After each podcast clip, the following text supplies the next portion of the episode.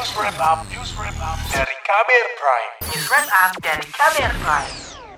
Ketua Badan Anggaran Banggar DPR Said Abdullah mengusulkan penghapusan golongan subsidi listrik pelanggan 450 volt ampere. Alasannya antara lain untuk mengatasi kelebihan pasokan listrik yang dialami PLN. Kini usulan tersebut menuai kontroversi. Selengkapnya simak laporan khas KBR disusun jurnalis Sindu Darmawan. Usulan penghapusan golongan subsidi listrik pelanggan 450 volt ampere disampaikan Ketua Badan Anggaran Banggar DPR Said Abdullah saat rapat panja pembahasan rancangan APBN tahun 2023 Senin pekan ini. Menurutnya, penghapusan tersebut sebagai bentuk pembelaan kepada masyarakat miskin asalkan dibarengi dengan dukungan kebijakan lain. Misalnya, pembagian kompor listrik gratis ke masyarakat miskin sehingga konsumsi bisa meningkat. Kalau 450 naik ke 900, kita bela betul orang miskin. Jangan kemudian dia lagi lagi lagi lagi apa nyuci baju, tiba-tiba suruh matiin dulu karena kulkasnya mati. Karena PLN-nya jelek. Tapi kalau 450 Pak Febri dijadikan ke 900, yang 900 naik ke 1300, satu sisi bantu oversupply, satu sisi menjadi kebanggaan bagi masyarakat. Said awalnya meminta ada reformasi subsidi di bidang energi agar bisa tepat sasaran, sebab selama ini subsidi energi banyak dinikmati mereka yang tergolong mampu secara ekonomi.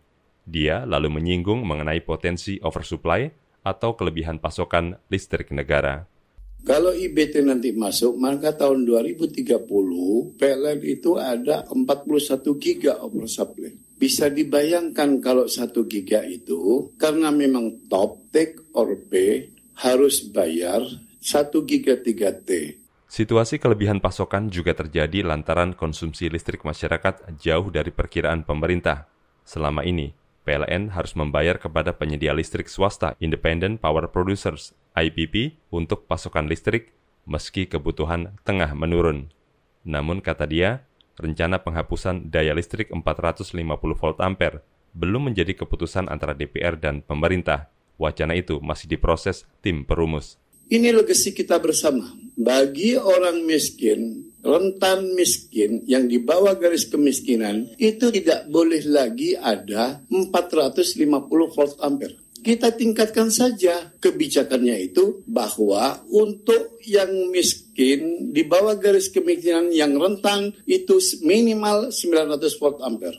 Menanggapi wacana tersebut, Kementerian Energi dan Sumber Daya Mineral ESDM menyatakan penghapusan golongan pelanggan listrik 450 volt ampere masih memerlukan kajian dan pembahasan lebih detail.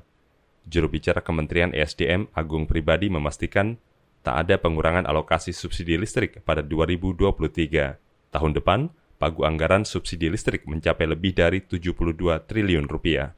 Saat ini, subsidi listrik dinikmati sebagian besar oleh seluruh pelanggan rumah tangga 450 dan 900 volt ampere yang masuk data terpadu kesejahteraan sosial DTKS. Untuk daya 450 volt ampere digunakan 24 jutaan pelanggan. Senada dengan ESDM, PLN menyatakan masih berkoordinasi dengan pemerintah dan DPR terkait wacana penghapusan.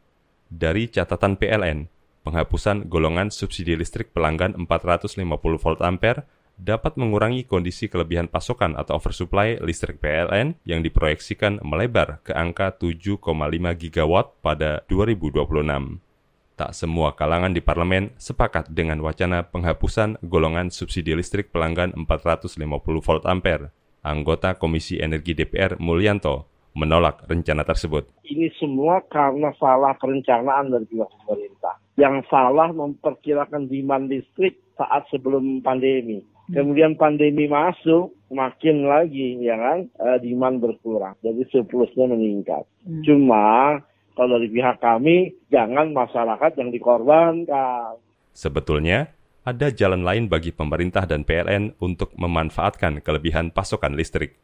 Misalnya, mendorong dibukanya kawasan industri dan ekonomi khusus dengan menggunakan jaringan listrik PLN.